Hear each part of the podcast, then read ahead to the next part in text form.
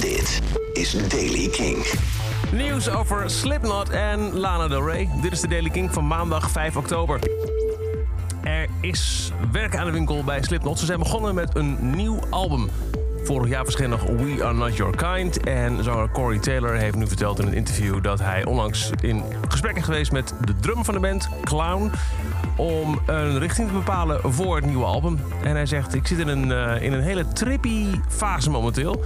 En dat is lekker, want dan ga ik namelijk dingen horen die ik nooit eerder in mijn hoofd heb gehoord. En dat komt allemaal weer terug op dat album. Dus werk bij Slipknot aan een nieuw album. En Lana Del Rey heeft twee mogelijke release data verklapt voor haar nieuwe album Chemtrails Over the Country Club.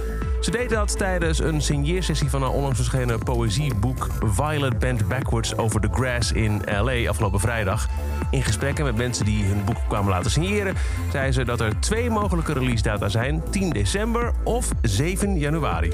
En dat zover de Daily Kink. Elke dag een paar minuten bij met het laatste muzieknieuws en nieuwe releases. Niks missen? Luister dan dag in dag uit via de Kink-app, kink.nl of waar je ook maar naar podcast luistert. Elke dag het laatste muzieknieuws en de belangrijkste releases in de Daily King. Check hem op kink.nl of vraag om Daily King aan je smart speaker.